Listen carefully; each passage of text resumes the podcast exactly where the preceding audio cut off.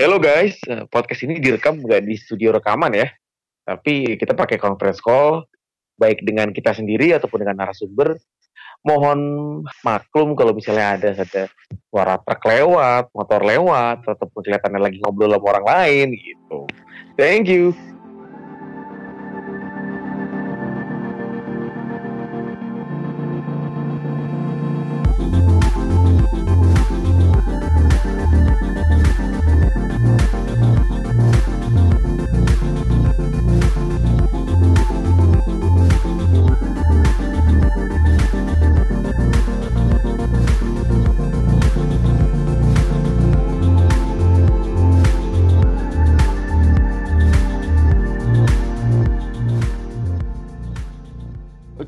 Halo. Kembali lagi podcast Mister Gawang setelah kemarin kita absen di personal break.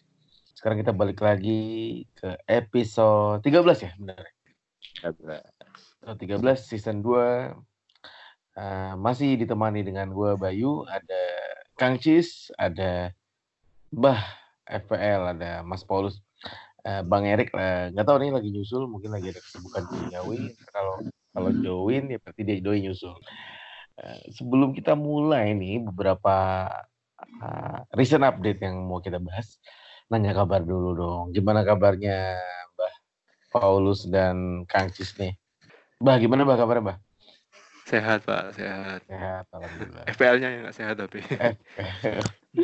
kemarin poin lu berapa kemarin? Ya, terjun dari 60 ribuan ke 160 ribu. Wah, dahsyat ya emang. Lu kapten kapten lu siapa waktu itu? Saya.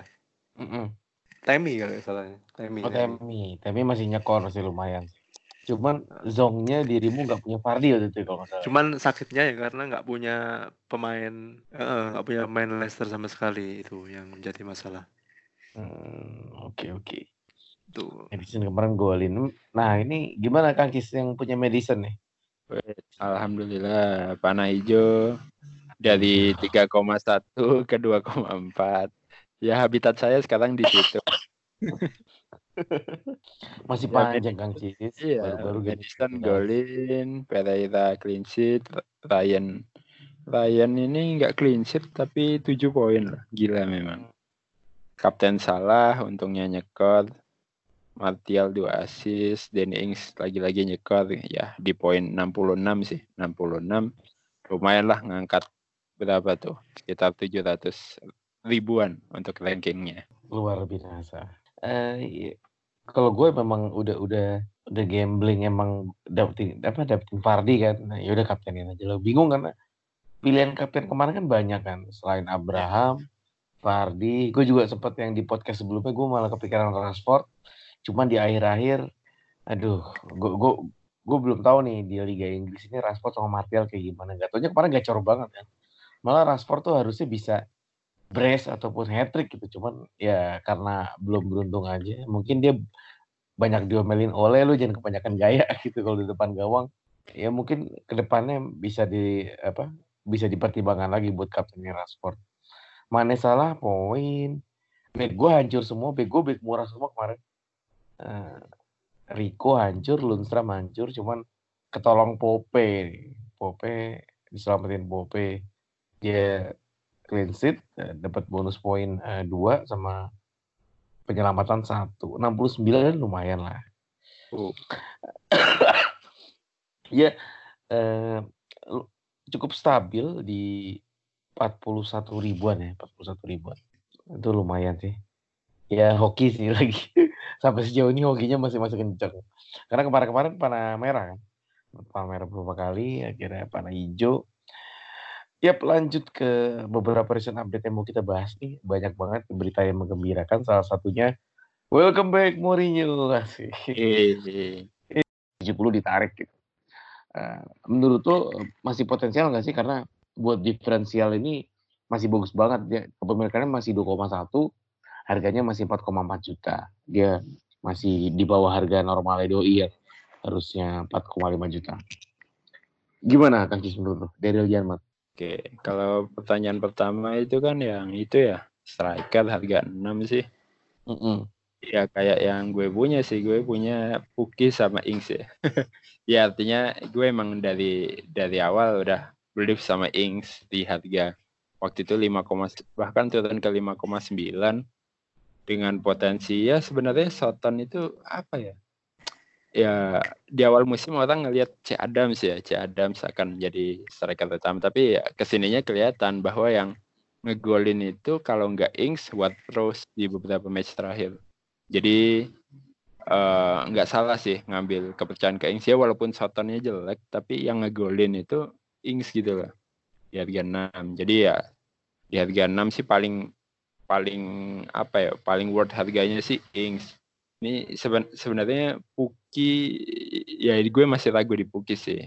Apakah masih keep atau dibuang. Kalau dibuang pun opsinya ya itu tadi kalau untuk jangka pendek bisa di review. Tapi untuk jangka panjang sih mungkin ke siapa ya? Wesley mungkin malah malah ke Wesley, Wesley. Aston Villa ya?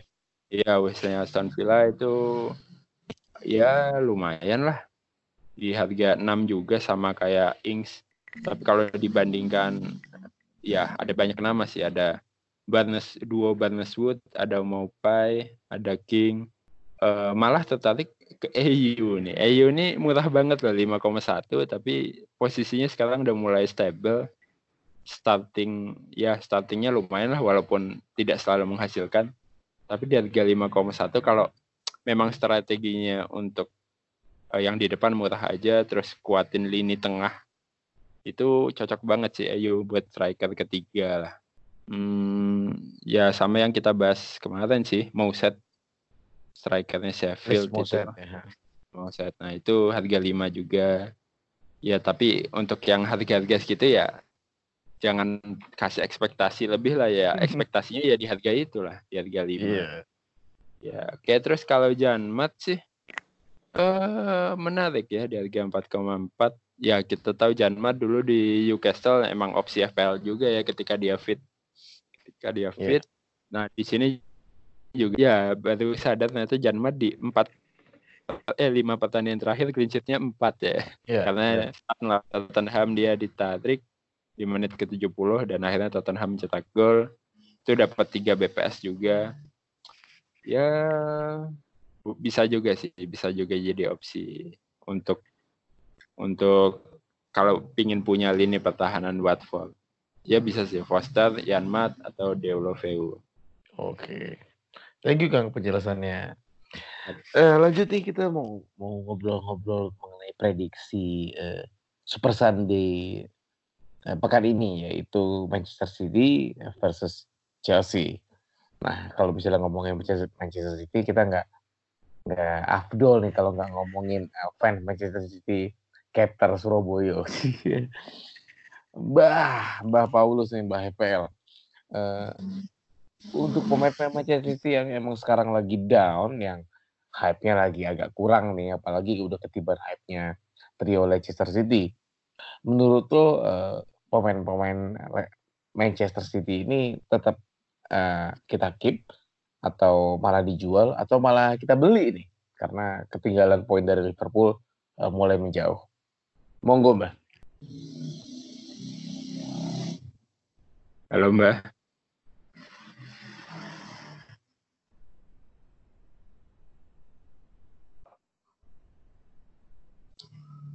Hmm, sinyal nih Kang. Halo Mbak. Halo, halo masuk. Oh, masuk. Okay. Ya, lanjut. Oke. okay. Mbah, eh, prediksi lu mengenai Manchester City gimana, Mbah? Eh, karena memang eh, ini kan lagi happening banget nih, apalagi eh, trio Leicester City yang mulai menggeser eh, pemain-pemain Manchester City di squad FPL para managers. Apakah tetap eh, kita keep aja atau kita jual atau bahkan kita beli nih pemain Manchester City? Apalagi besok ketemu Chelsea di Super Sunday. Gimana, Mbak? Uh, kebetulan saya punya sih pemain City Aguero sama Sterling ya. Uh, kemungkinan besar pasti saya tahan karena uh, jatah transfer yang apa ya namanya hmm, terbatas. Uh, kalau misalnya kita saya pingin ganti ke pemain Leicester pun harus minus gitu kan. Jadi menurut saya kalau minus untuk pemain Leicester dengan mengorbankan pemain City kayaknya agak terlalu beresiko kalau meskipun secara form pemain Leicester macam Vardy ataupun Madison atau Tielemans lagi on ya sebenarnya. Cuman saya rasa lawan Chelsea besok harusnya bisa lah City. Apalagi Aguero ternyata punya rekor yang lumayan oke okay ketika lawan Chelsea. Dan kita tahu sendiri pertahanan Chelsea juga masih belum stabil gitu kan. Ditambah lagi City yang sedang apa ya sedang mengejar lah ya mengejar ketertinggalan poin dari Liverpool harusnya uh, punya energi lebih sih kalau menurut saya. Jadi saya tahan lah. Jadi buat yang punya aset uh, Manchester City tahan aja ya jangan dijual ya. Iya mungkin saya tahan. Kecuali misalnya kalau belum punya uh, mungkin kalau belum punya saya belum sih kalau belum punya. Karena ya balik lagi kalau misalnya belum punya kan kita takut ketika ketika kita ambil Aguero uh, tiba-tiba rotasi tiba-tiba Yesus yang main ataupun ini kan udah masuk bulan-bulan Desember ya. Kalau kita hmm. lihat jadwal itu sangat ketat sekali awal-awal Desember ini. Pasti rotasi di Man City cukup mengerikan kalau misalnya kita belum punya terus pingin ambil pasti pertimbangannya seperti itu sih kalau saya. Oke. Okay. uh, eh, thank you bah penjelasannya.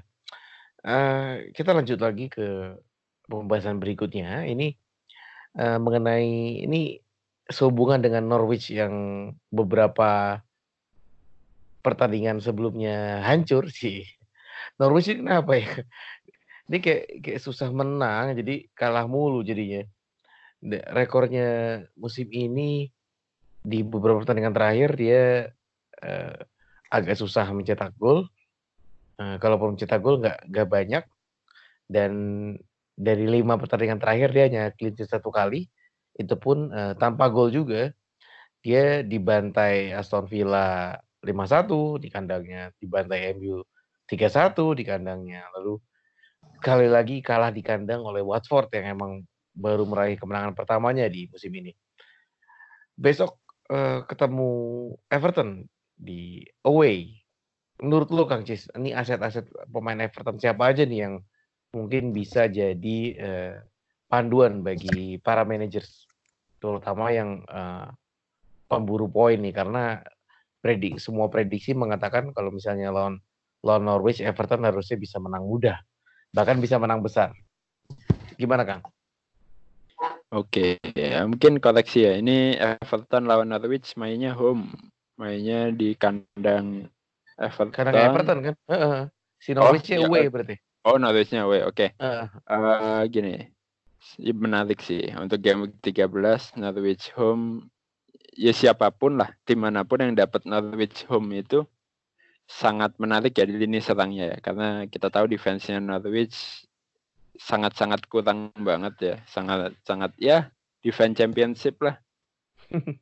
Jadi ini sangat menarik sekali di game week 13 untuk kalau masih punya pemain Everton kayak Lucas Digne, Sigurdsson, Richard Listen. Tapi buat yang baru mau ambil, ini harus pikir-pikir dulu nih. Coba buka pemain Evertonnya, lihat jadwalnya. Oh. Lo lihat itu di, di game week 14 sampai 18. Oh. Mereka berturut-turut ketemu Leicester, Liverpool, Chelsea, MU, Arsenal. Lu mau pasang pemain Everton di situ coy aduh M mungkin Gila buat yang free hit buat buat yang free hit nggak apa-apa lah ya cocok banget kalau memang ya. kepikiran ya? Kalau memang ada kepikiran mau free hit yeah. game week ya ya entah entah apa yang merasukimu untuk free hit yeah. game week uh, ya cocok banget lah mungkin triple recommended sih untuk game week ini tapi kalau bukan free hit sih ya susah sih. Ya oke mungkin di, tahun Norwich poinnya gede, cuman di lima game week selanjutnya kayaknya berat sih. Gak berani sih gue pasang Digne ngelawan lima tim ini. Ya walaupun ada MU ya, tapi main di Old Trafford juga tetap sulit lah kalau di Old Trafford menurutku. Jadi ya itu free eh kalau yang masih punya ya udah keep aja. Kalau yang belum punya Ya kalau emang ada rencana free hit silakan, tapi kalau untuk jangka panjang sih mending nanti sih. Setelah malah setelah lawan Arsenal ya setelah lima fixture sulit itu jadwalnya jadi enak. Ada Burnley, Newcastle, ya walaupun ketemu City, kemudian ada Brighton, West Ham, Newcastle, Watford, Crystal Palace. Nah itu udah enak lagi tuh. Jadi ya sabar aja sih. Itu mungkin cuma cuma fata morgana semata itu lawan Norwich. Sabar aja sabar. Jadi gitu kurang lebih kalau misalnya emang lo punya free hit, monggo triple sekalian ya kalau perlu ya. Tapi kalau kalau nah, enggak, jangan tergoda godaan satu game week. Eh, cinta satu game week jangan, jangan tergoda itu. Eh, lanjut ke ya kita ngomongin salah satu back legenda di eh, musim ini Sir John Lundstram asik ya. Ini harganya naik jadi 4,9 juta bangsat emang hampir naik satu juta ya baru baru 13 game week dan kepemilikannya udah aduh nggak asik ya ini pemain asik tapi nggak asik pemain asik ya jadi nggak asik karena 42% itu gimana ya? 42,1 persen itu jadi nggak ada diferensial diferensialnya gitu. Jadi lu kalau nggak punya ngerasa eh, rugi karena takutnya dia gacor tapi kalau misalnya punya nyesek juga lihat harganya yang dari 4 juta jadi 4,9 juta gitu. Lu ke mana aja men kalau lu baru punya sekarang? Ya bah pertandingan eh, Lundstram terakhir di home-nya mereka ini eh, Doi cetak dua gol. Brace si si Lundstram ini. Besok ketemu Manchester United. Menurut lu eh, dia bakal berbuat sesuatu nggak sih si Lundstram ini? Ya minimal clean sheet lah. Gimana mbak? Eh, menurut saya sih apa ya ya Burnley bukanlah MU lah ya. Kalau Lundstram bisa brace lawan MU eh lawan Burnley ya ya belum tentu bisa brace lagi lah lawan MU agak susah kalau saya. cuman kalau lihat potensinya tetap ada ya karena kita lihat Lundstram mainnya di belakang striker ya. Jadi otomatis kan peluang untuk eh, kasih asis ataupun golin cukup ada. Ya ya kita kan main FPL eh, atas harapan ya. Harapan itu tetap ada sih kalau menurut saya meskipun lawannya MU cuman ya balik lagi eh, hasil kan kadang nggak sesuai harapan. Kadang lawannya MU juga MU sedang apa ya sedang saya rasa MU di track yang benar untuk kembali bangkit sih harusnya dan lawan Sheffield ini harusnya bisa menjadi titik balik MU sih tapi saya punya Lundstram mungkin saya pasang lah pasti saya, cuman untuk kapten saya rasa cukup beresiko ya meskipun ya tetap ada harapan kalau menurut saya segitu Om. Oke. Eh, karena memang rekornya Sheffield United eh, di kandang juga dibilang mentereng nggak juga, tapi kita nggak bisa anggap remeh karena dia tim promosi gitu. Karena dari rekor kandangnya selama ini dia itu hanya kalah dua kali di kandang. Itu pun kalahnya sama eh, klub besar lah, klub klub peringkat satu peringkat dua sekarang gitu. Dia kalah sama Leicester satu dua dan kalah sama Liverpool 0-1. Dan sisanya itu mereka menang. Menang 3-0. pernah lawan Soton kalah sekali tapi lawan Southampton Oh iya kalah sekali. benar. Oh iya, tiga tiga berarti tiga. Langsung kalah. Even mereka menang 1-0 lawan Arsenal di Hmm. dua pertandingan home sebelumnya gitu. Jadi eh, ini juga warning. eh, sebenarnya ini gimana ya? Sign juga buat eh, pemain-pemain, eh, buat manajer-manajer yang punya pemain MU gitu. Berarti memang pertahanan Sheffield United di kandangnya mereka ini eh, bisa terbilang cukup alot ya. Jadi buat kalian yang emang eh, mau mau double pemain United atau mau kapten pemain United, kalian benar-benar harus berdoa banget gitu. Jadi jangan sampai malah jadi eh, blank terus malah jadi sebel gitu. Nah ini eh, kita juga sempat memperhatikan namanya international break ya. Kita sempat memperhatikan eh, banyaknya pemain-pemain FPL yang main di negaranya gitu. Nah ada beberapa nama yang memang eh, terindikasi gacor di eh, di level internasional tapi pas balik ke eh, level domestik atau level liga biasa-biasa aja gitu. Ada dua nama yang yang kita mau mention di sini. Yang pertama Harry Kane, salah satu pemain eh, premium, striker premium di FPL, harganya 12 jutaan. Eh, satunya lagi eh, Timu Puki yang memang hilang sejak game week 5 apa game week 6 tuh gue lupa. Eh, Kang Cis, menurut lu ini fenomenanya seperti apa sih? Fenomena yang dia gacor di internasional terus melempem di liga gitu. Apakah misalnya dia gacor di internasional itu bisa jadi tanda buat kita supaya kita pasang dia di liga karena ya spiritnya masih sama gitu. Gimana Kang lo? Oke, kalau datanya sih sebenarnya gue nggak ada ya. Kayak kalau pemain itu habis gacor di internasional, apakah di di liga pertandingan selanjutnya akan mencetak gol juga itu gue belum sempat riset. Cuman sebenarnya yang membedakan adalah timnya sih. itu jelas banget ya. Timnya uh, Tottenham memang apa ya? Uh, kurang banget sih secara permainan agak soulnya kurang. Nah, tapi ini menarik kita bahas bahwa Mourinho ya, ya Mourinho akhirnya masuk. Yep. Nah, ini yep.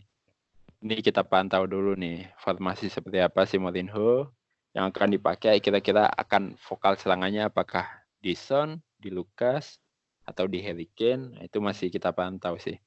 Jadi mungkin satu dua match cukup lah untuk memantau ya. Tapi kalau sudah mau gambling ambil Kane dari sekarang sebenarnya nggak bukan sesuatu yang salah sih karena jadwalnya juga oke ya lawan West Ham, Bournemouth, lawan MU menarik ini Mourinho ketemu MU, terus ketemu Burnley, Wolves, ketemu Chelsea lagi-lagi mantan klubnya dan selanjutnya jadwalnya juga FDR-nya dua lah, dua dua dua. Jadi kalau secara jadwal sih sebenarnya Tottenham itu opsi banget. Cuman kan kita tahu kemarin di ya formnya Tottenham di Liga beberapa match terakhir emang suram banget. Makanya kita mengesampingkan opsi pemain Tottenham untuk dijadikan pemain di FPL kita. Tapi kalau ngelihat uh, pelatih yang baru harusnya spirit yang baru. Jadi Harry Kane sih harusnya bisa mengembalikan performanya yang dulu ya. Dan terbukti sebenarnya di timnas kan gak jelek-jelek banget. Uh, bahkan Harry Kane itu adalah salah satu pemain yang mencetak gol di setiap pertandingan di fase kualifikasi Euro 2020 ini. Udah berapa match sih? 7 atau 8 kalau nggak salah. Nah itu dia selalu mencetak gol Harry Kane setiap pertandingan. Jadi ya oke okay banget sebenarnya secara form Kane masih belum habis. Cuman karena spirit dari tim Tottenhamnya lagi kacau akhir-akhir ini ya. Ya semenjak final sih. Kalau gue lihat semenjak final kalah final itu ya jadi agak mabok gimana gitu. Agak mm-hmm. ya mungkin ya nggak tahu lah apa yang terjadi di internalnya ya. Itu Harry Kane. Nah kalau Timu Puki ini ini gue juga masih punya sih. Ini salah satu dari empat pemain yang yang sepertinya akan gue buang. Gue kan udah bikin polling juga di Twitter. Gue punya empat pemain yang kemungkinan akan gue buang. Uh, mungkin cuma bisa menyelamatkan satu yang gue tahan. Ada Sterling, Mason Mount, Puki, dan Ings.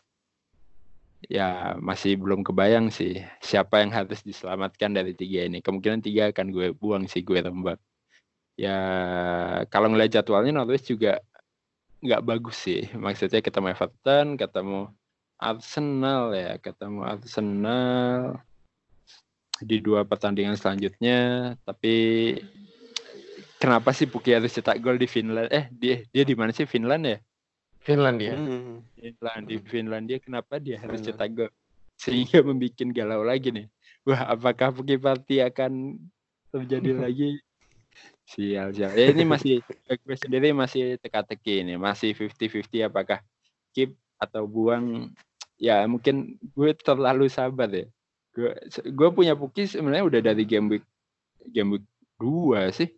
Game week 2 atau game week 3 ya. Misalnya di awal-awal gue udah udah lumayan kebagian partinya. Jadi ya gue nggak ngerasa rugi gitu loh masih udah udah punya Puki dan mempertahankan sampai sekarang ya walaupun poinnya jelek ya gimana ya secara statistik shootnya lumayan ya bener-bener Mitrovic sih ini Mitrovic yang terulang lagi gue gue musim lalu juga nahan Mitrovic lama tapi nggak menghasilkan kejadian lagi di Puki ya mungkin kalau dari lo atau dari Mbah ada saran soal Puki boleh boleh di sharing gue bingung banget ini soal Puki harus diapain harus dibawa ke mana ini Puki Mbah mungkin Mbah? Uh, mungkin kalau misalnya ada peluang transfer keluar sih tergantung calonnya siapa dulu sih kalau saya. Itu. Hmm. Kalau Fardi recommended mbak. Apa itu? Mungkin kalau punya kesempatan ambil Vardy ya ambil lah harusnya. Eh, secara form oke lah ya. Cuman ya balik lagi ke momentum kan FPL kan soal momentum. Kadang Iya. kita lihat di awal musim Puki party terus terus ada yang bilang apa masa nggak punya Puki gini gini kemudian Puki blank kan momentumnya habis. Terus kemudian tiba-tiba Vardy ikut-ikutan cuman nggak kaget sih kalau misalnya lawan Everton Puki ngegolin Everton juga kadang di kandang nggak terlalu ya Everton kan kadang ya tim kayak gitu nggak terlalu bisa dipercaya 100% Aduh. Semakin tidak mencerahkan, Mbak. Terima kasih. Makin galau saya. Eh, kalau buat gue Puki out sih kan.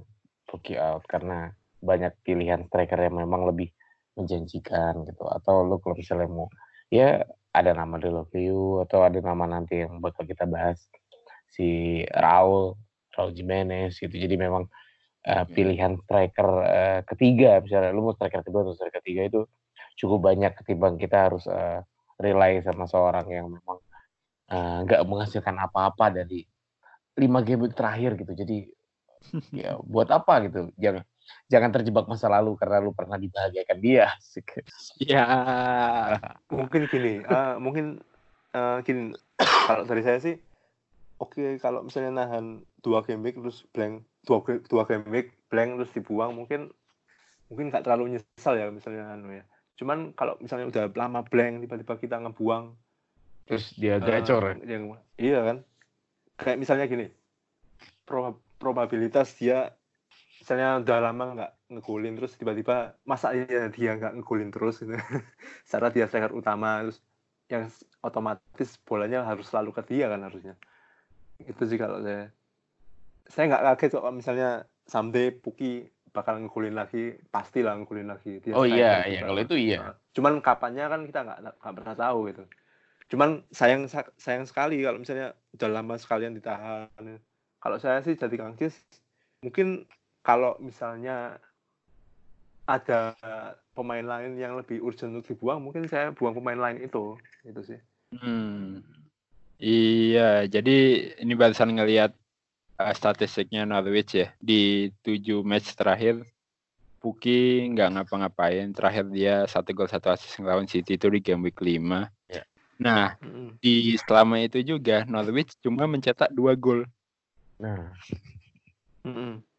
Ya, jadi Puki blank, tapi dia blank itu bukan karena temen-temennya jago, tapi dianya nggak nggak- ngapa-ngapain, dianya habis enggak. Dari Norwich si tim Norwich ini yang selama 7 game week cuma mencetak dua gol dan kebetulan dua-duanya bukan Puki, ya enggak sih? Berarti logikanya ketika Norwich mencetak mungkin tiba-tiba mencetak satu atau dua gol, peluang Puki untuk di situ sebenarnya gede banget kan?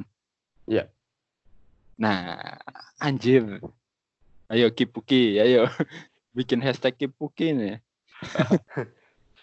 cuman itu apa balik lagi eh, Norwich kan ya tim tim papan bawah terus semenjana lah istilahnya berharap sesuatu lebih juga hal yang cukup berlebihan sih kalau menurut saya Ya, sama lah kayak Watford yang habis dibantai tahu-tahu bangkit. Ya, siapa sih yang Hmm. yang pegang pemain apa yang mengandalkan pemain Hmm. Watford di lima game week terakhir? Ya, ya itu probabilitas ya. Kemungkinan ada kemungkinan Norwich begitu juga, tapi iya kita iya.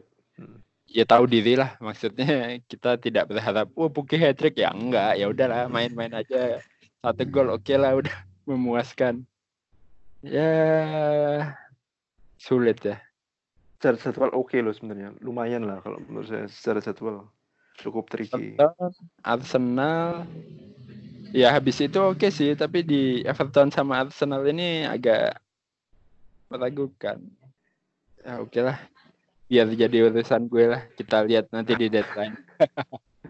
Ya. Lanjut. Tebak-tebakan dulu lah sama Om Bayu. Tuh? Kira-kira Kang Cis ini buang booking nggak Om ini?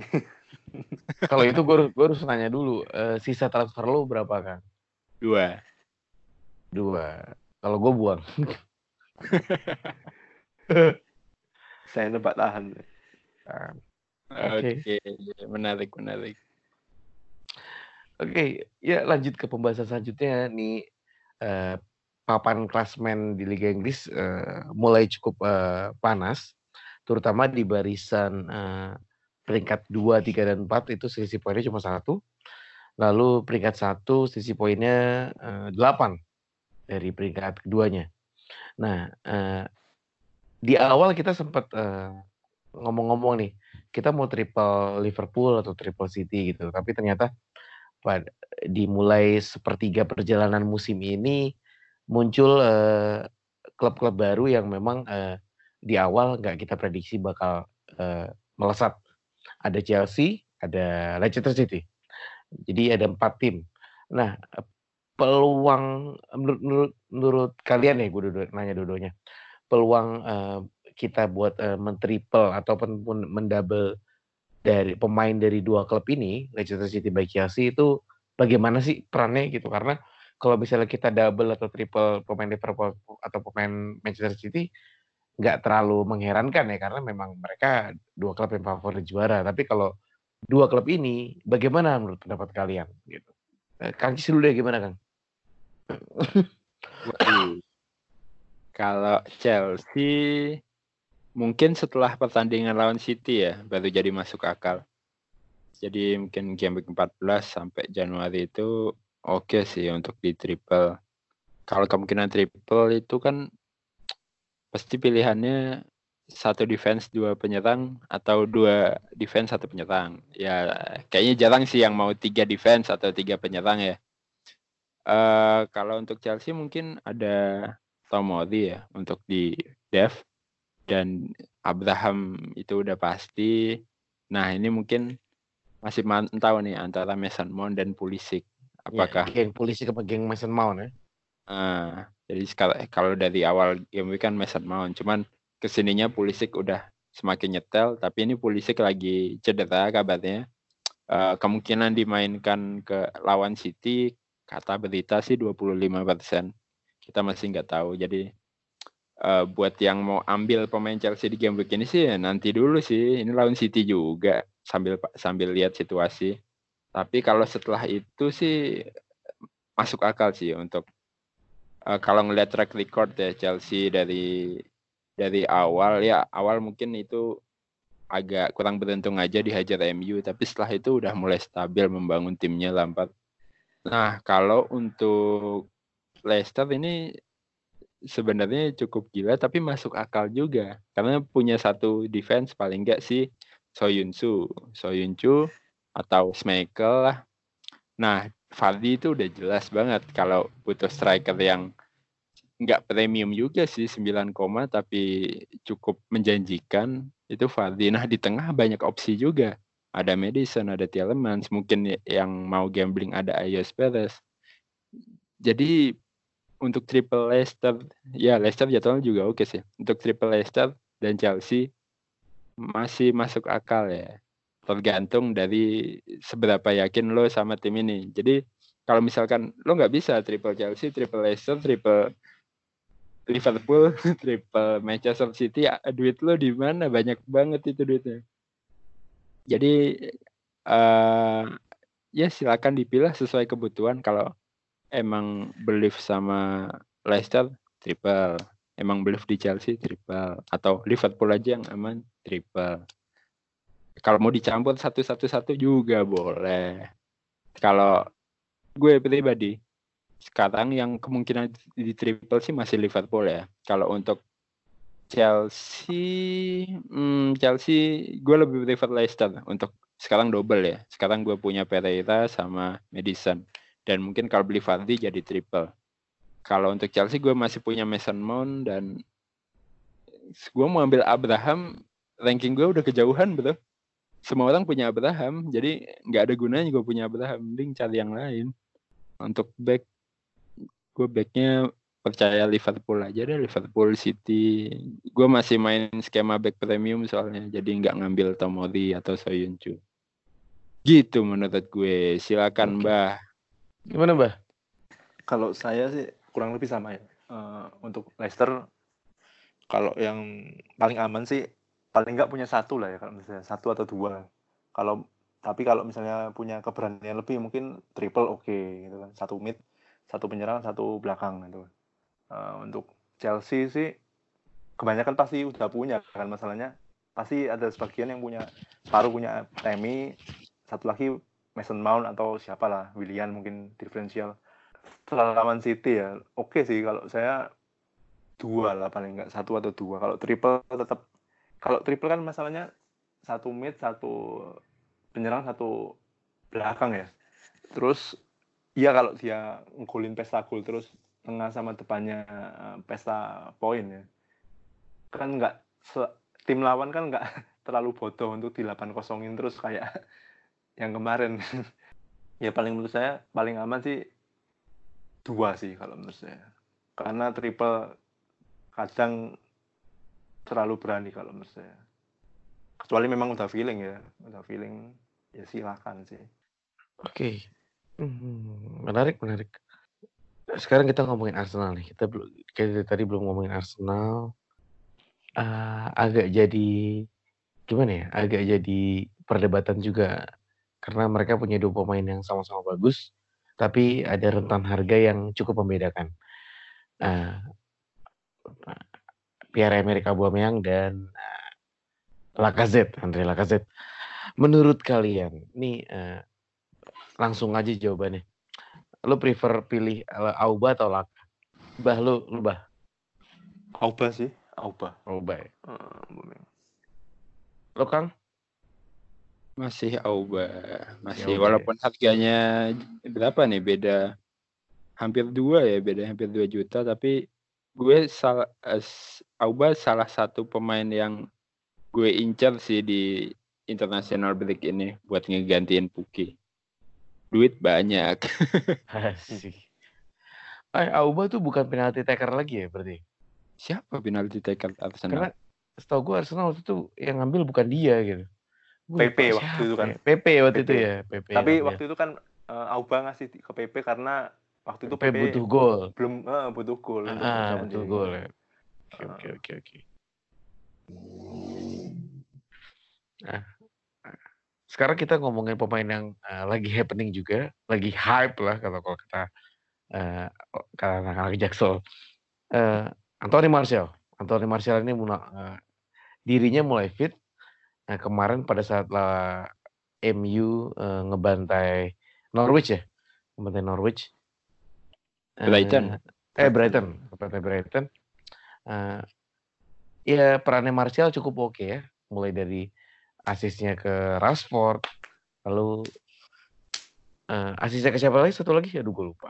Martial itu asisnya ke Pereira, asisnya ke Pereira. Jadi jadi cukup oke juga nih Martial dengan rentan harga yang memang uh, cukup bersaing. Martial tuh kalau nggak salah 7 jutaan ya.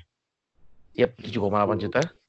7,8 juta lo dapat uh, pemain midfielder rasa penyerang dan dia main di klub ya ya kita bisa bilang klub sebesar Manchester United gitu. Menurut lo Mbah, ini masih potensial nggak sih Anthony Martial ini? Masih sih kalau menurut saya karena dia udah fit terus kepemilikannya juga belum 10% sangat menarik untuk yang pengen cari pemain ya lumayan pembeda lah secara jadwal juga lumayan oke okay. Gitu. tergantung balik lagi ke form sih formnya MU kan kalau kita lihat harapan secara jadwal pasti ada harapan. Cuman ya balik lagi ke form. Iya di di tiga pertandingan terakhir MU cetak 6 gol. Bukan suatu yang uh, jelek tapi ya kita masih lihat konsistensinya juga ya karena iya. sebelum lawan Brighton juga mereka kalah away oleh Bournemouth. Jadi ya kita harus uh, ya masih ngeliat juga sih ini seberapa seriuskah Manchester United buat uh, bisa bersaing untuk merebutkan tiket Liga Champions. Cuman uh, buat yang udah punya sih saya rasa tahan lah ya kalau udah punya nah. saya saya udah punya Martial ya mungkin saya tahan lah meskipun misalnya MU besok lawan Sheffield United kalah ya tetap saya tahan sih Martial karena potensinya tetap ada gitu lah salah satu pemain MU yang apa, kalau nggak uh, yang menghasilkan poin kalau nggak Rashford ya Martial atau Daniel James gitu kan Ya, ya, antara ya, tiga itu ya tiga itu doang ya, ya itu. Tetap tahan sih kalau misalnya udah punya ya. Tahan. apalagi sekarang eh, si Rashford ini kan mulai ditaruh pinggir kan Martial yang di tengah kan Iya, karena Ya. Rashford memang bukan nomor 9. ya benar benar benar dan lebih dekat ke gawang gitu makanya gue juga pikiran duh Martial Rashford Martial. Akhirnya gue pilih oke gue ambil Martial gitu. Ya lumayan walaupun kemarin cuma satu gol ya. Kita syukuri saja. Kang Cis eh, ini Raul Jimenez is back Kang. Ini menurut lo eh, potensial banget gak nih pemain yang memang musim lalu sempat menggoda dari harganya 5 jutaan dan sekarang musim ini dia dibuka dengan harga 7,5 juta sempat turun turun turun karena nggak ada suaranya sampai di game week eh, game week 8 dia cetak dua assist pada saat timnya menang away sama Manchester City dan yep dari empat pertandingan terakhir dia udah cetak tiga gol.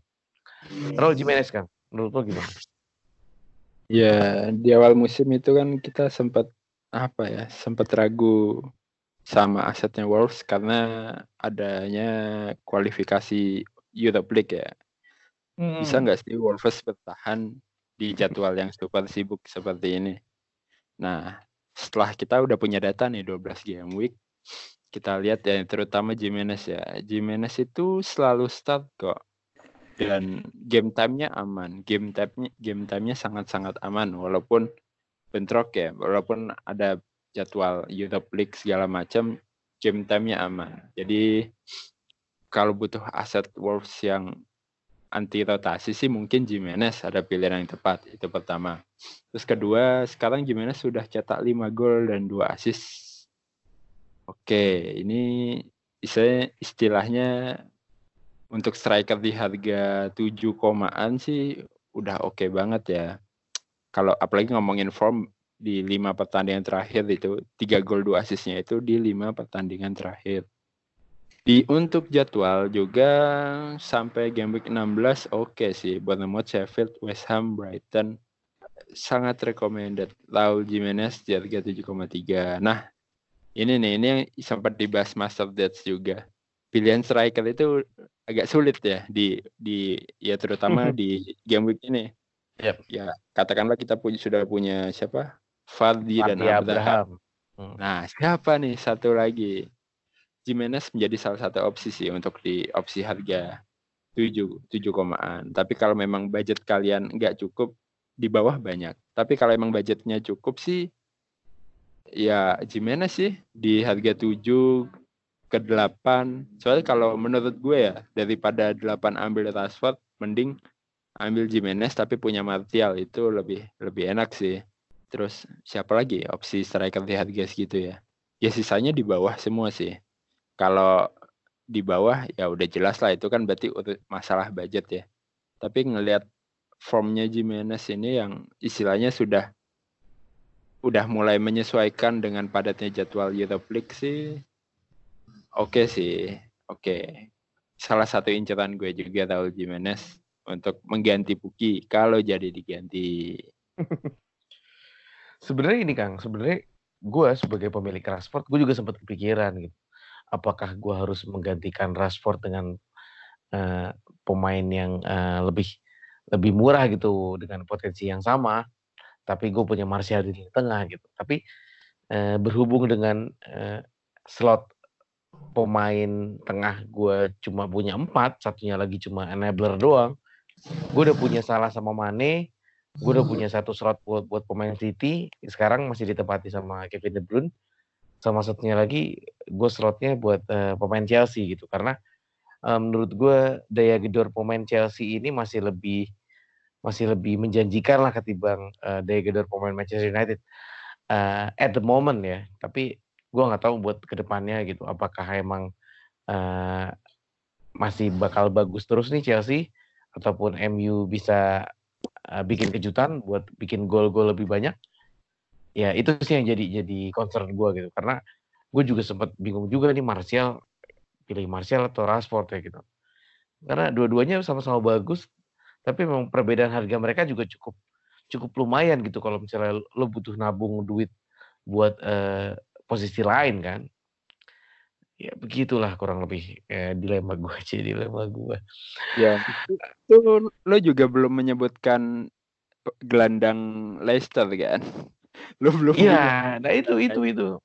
Nah gimana ya kalau ya kalau gue sih ngelihat komposisi apa ya komposisi pemain di ya game week terhitung game week 13 ini udah kayaknya formasi harus punya ya, harus, harus punya Leicester iya. ya. Ya, dan gue lebih memilih untuk 352 sih. Karena ya itu tadi opsi di tengah banyak banget. Ya, oke, okay, kita tahu opsi di depan banyak juga ya, tapi uh, rasanya sih gue lebih main di 352. Ya Liverpool, Manchester City, MU, Chelsea, Leicester itu masang di mid semua. Nah, dua striker ini mungkin istilahnya kalau misalkan mau Fardi sama Abraham ya udah case close. Lu nggak usah pusing mikirin siapa striker ketiganya. Kalau gue prefer tiga lima dua. Jadi ya, soalnya pilihannya banyak banget di tengah itu yang yang istilahnya emang emang top di timnya ya katakanlah Madison, Martial, Pulisic, Sterling salah ya misalkan. Oh, itu udah oke okay banget sih tengahnya kayak gitu. Makanya depannya gue cuma Puki sama Ings. gue nggak sanggup itu beli siapa. Ya kalau misalkan gue mau ambil Auba pun ya harus mungkin salah atau Sterling yang gue pangkas gitu loh. Gue mau buang salah atau mana pun gue ngeliat picture ke depannya. Aduh gila main di Joy Joroyo kan banyak main di kandang agak agak merasa merasa dosa juga gue kalau buang buang mereka berdua gitu. Karena sejauh ini dengan konsistensi mereka berdua uh, poin gue cukup stabil karena ya gue nggak perlu musing gue pilih salah atau mana kan. Gue punya dua-duanya gitu. Mungkin ke soal pemilihan kapten aja kalau misalnya emang gue harus kaptenin di antara mereka berdua gitu. Paling yang paling possible sekarang uh, mengingat jadwalnya Manchester City agak berat nih uh, gue mungkin akan mendowngrade Kevin De Bruyne buat uh, seorang Madison ya mungkin ya. Seorang Madison atau seorang Martial. Uh, dan itu akan membuat gue punya budget besar yang di mana akhirnya gue mungkin kepikiran buat punya satu back premium yang selama ini gue nggak pernah pakai back premium gitu. Either uh, Leicester backnya Leicester si uh, Pereira atau ya tren Alexander Arnold paling ya di antara di antara itu gitu karena jad, jadwal Liverpool nih bangsat banget men gila lo lima pertandingan berikutnya tuh surga sih buat mereka kata gue gitu dan yeah. saatnya mereka tancap gas gitu. Ya harus hati-hati juga sih kalau mau triple Liverpool game week 18 blank ya. Jangan lupa. Ah iya.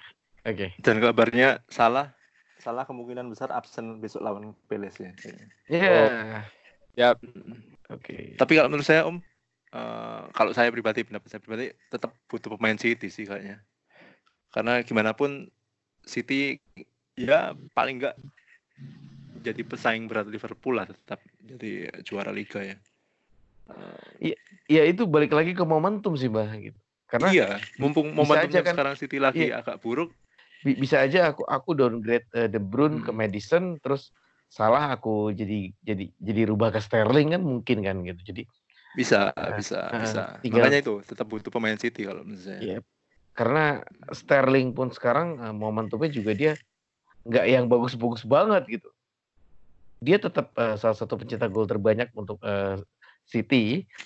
Tapi memang uh, iya. akhir akhir-akhir ini ya agak agak berat ya buat harga 12 juta dia blank uh, dua pertandingan sebelumnya itu agak berat gitu maksudnya uh, buat kita buat orang yang mau nyoba mau beli dia ya kecuali gue udah punya duluan ya udah gue keep sih masih oke okay, gitu kita juga uh, kalau dari gue gue gue paling nggak minimal uh, dari pertandingan Chelsea atau Newcastle paling nggak dia harus ngelakuin sesuatu dulu nih si Sterling gitu buat uh, penyemangat dirinya juga gitu. atau buat uh, trigger uh, manajer-manajer lain buat uh, transfer dia. Uh, uh, pembahasan terakhir kita sebelum kita tutup nih. Uh, welcome home uh, Jose Mourinho to North London. Yeah. Uh, menurut kalian bakal kayak gimana nih uh, formasinya uh, Tottenham Hotspurs? Ini roughly aja ya, jadi uh, asumsi aja, lo bebas. Gimana mbah menurut lo mbah? Formasinya tetaplah Mourinho pasti mungkinan empat dua tiga satu kayaknya lah. Empat dua tiga satu ya, adalah dia ya. Dari mulai di Inter ya, MU juga begitu. Berarti dia mengandalkan pemain sayap, betul nggak? Empat dua tiga satu. Ya kan kalau kita lihat Spurs sayapnya juga oke okay harusnya. Kan Yoi, mau Ramason ya. Mau Ramason. Oke. Okay. Dan ada apa ya? Ada kemar uh, tadi sempat baca berita juga sebenarnya masalah Spurs ini uh, bukan secara form apa ya, tapi secara internal sebenarnya. Uh, iya benar pemain benar. yang memang nggak memang nggak respect lagi dengan Pochettino itu kan. Dan kemungkinan kalau Mourinho bisa merebut hati pemain Spurs, terutama yang senior-senior macam Harry Kane ataupun Erikson, nggak kaget juga kalau misalnya Spurs tiba-tiba bangkit ya. Karena kalau kita lihat beberapa tim-tim yang sudah ganti pelatih, tiba-tiba langsung seakan-akan lahir baru gitu. Kayak Leicester yang musim lalu. Gitu kan. itu sih kalau saya. Lu tuh gimana? kan? Masuk, uh, eh, lo lanjut mah. Dan maksudnya Mourinho ini saya lebih suka bukan uh, secara permainan ya tapi secara dia lebih ramai aja ya uh, secara emosional dia gitu saya boleh doi ya iya. Uh, lebih rame lah apalagi dia masuk ke ke tim yang kita bisa sebut uh, the big six ya salah satu salah hmm. tim besar di Inggris gitu dengan deretan dan dia pernah bilang waktu waktu dia di Chelsea sempat bilang dia dia nggak bakal pindah ke Spurs. Akhirnya dia pindah ke Spurs. dia langsung langsung emang ditarik sama Danny Levy-nya kan. Lu tuh gimana Kang? Soal welcome back Mourinho to EPL. Ya, kalau gue concernnya adalah defense ya Pak. Defense-nya Tottenham ini ketemu Mourinho kan ya identik dengan parkir bus ya. Di sini mungkin opsi yang sangat menarik mata adalah Gazaniga. Kiper harga empat setengah dipegang oleh Mourinho dan memang Loris kayaknya masih lama sih kemungkinan lama. Ya mungkin se sebaik-baiknya mungkin awal tahun ya mungkin. Ya istilahnya selama Desember ini harusnya Gazaniga opsi aman lah secara game time empat setengah. Ya di depannya sebenarnya backnya juga nggak jelek-jelek banget. Ada Alwerel ada ada Vincent Sanchez ada ada Vertonghen juga kan. Oke sih. Pertama kali ketika melihat kabar dari Mourinho adalah wah defense cover defense Tottenham mana nih yang bakal gue injel dan nama nama pertama yang kepikiran sih Gazaniga karena memang ya harganya harga kiper semenjana sih empat setengah ya namanya juga backup. Dan dia bisa uh, dipegang oleh Mourinho ini opsi menarik. Tapi kalau untuk defense-nya sih gue belum ada bayangan ya. Masih mungkin harus lihat satu atau dua match Mourinho prefer siapa? Untuk di wingback untuk di center back-nya yep, apakah? benar-benar ya terus nanti kita lihat juga ke Liga Champion siapa yang lebih ya istilahnya masih harus dilihat lah untuk defense tapi kalau untuk untuk backnya eh untuk sorry untuk kipernya Gazaniga tampaknya udah aman sih dan itu udah masuk watch list. Kalau besok clean sheet lawan West Ham kayaknya gatel nih mau ambil asli ya ya kita tahu ya maksudnya seburuk-buruknya Mourinho atau uh, se seberapa orang yang bully dia soal bagaimana cara taktiknya dia atau sekelas coach Justin bilang dia nggak punya taktik yang penting main aja asal bertahan aja gitu. Ya dia tetap pelatih besar pelatih yang punya prestasi. Ya kita kita patut uh, menantikan aksi-aksinya di lapangan bersama tim barunya yang dia nakodai Tottenham Hotspur. Oke, okay, ada pertanyaan terakhir. Eh, pilihan kapten, rekomendasi kapten. Lu siapa, Mbah? Eh, siapa ya kak? Karena saya nggak punya pemain Liverpool tengah. Kemungkinan sih kalau misalnya jadi transfer Arnold mungkin Arnold sih. Kalau misalnya nggak jadi mungkin siapa ya? Antara Martial atau Aguero. Oke, eh, lu siapa Kang? Hmm. Aubameyang boleh deh. Gila sih. Lu punya juga belum anjay? Ya kalau sekarang gue biasanya kapten salah tapi ini salah cedera Oh, iya. kan gue harus Iya. rombak nih. Oke, Aubameyang lawan siapa sih. Arsenal? Arsenal tuh lawan aduh siapa sih? Soton. Soton Gampang ya. pokoknya. Soton. Iya. Soton ya? Oh iya lawan Soton dia. Tapi kalau misalkan emang harus pemain yang gue punya, kalau andaikan salah cedera, gue Hmm. bakal ngaptenin Sterling. Kenapa? Oh, Karena ya Home ya. lah wak- Lawan waktu City kalah lawan Wolves. Setelah itu kan ngamuk langsung ya lawan Watford. Nah ini harusnya ngamuk sih ini. Istilah apalagi selisihnya makin jauh. Ah, rasanya dan ada insiden Sterling Joe Gomez juga. Wah ini kayaknya panas sih ini kayak kayaknya akan apa ya meluapkan emosinya Lampiasan ya. melampiaskan. Ya, apalagi Chelsea bukan tim yang nggak bisa dibantai ya. MU aja bisa bantai Chelsea 4-0. Sterling aja deh. Apalagi Sterling istirahat kan. Dia nggak main di Inggris. Hmm. enggak, enggak. Emang emang enggak dipanggil. Iya. Oke. Eh, Kalau gue yang pasti-pasti aja sih kalau nggak Mane, eh, Fardi ya. Walaupun dua-duanya main away, tapi ya karena dua tim ini sedang memburu poin, jadi otomatis mainnya pasti bakal total juga gitu. Tapi lebih cenderung ke Mane ya. Karena nggak ada salah, jadi otak serangannya Liverpool tuh bakal arah ke dia nih, walaupun nanti ada Origi atau ada Melalana ya. Ya, semoga. semoga semoga. Eh, terima kasih sudah mendengarkan teman-teman. Eh, kalau misalnya emang ada kritik dan saran, jangan sungkan-sungkan langsung mention kita di Twitter at Mister Gawang Pot. Eh, gue Bayu eh, dari Kang Kis juga, dari Bah FPL juga. Pamit. Wassalamualaikum warahmatullahi wabarakatuh. Salam panah hijau dan tetap semangat. Eh, Salam-salam sama keluarga di rumah. Bye-bye.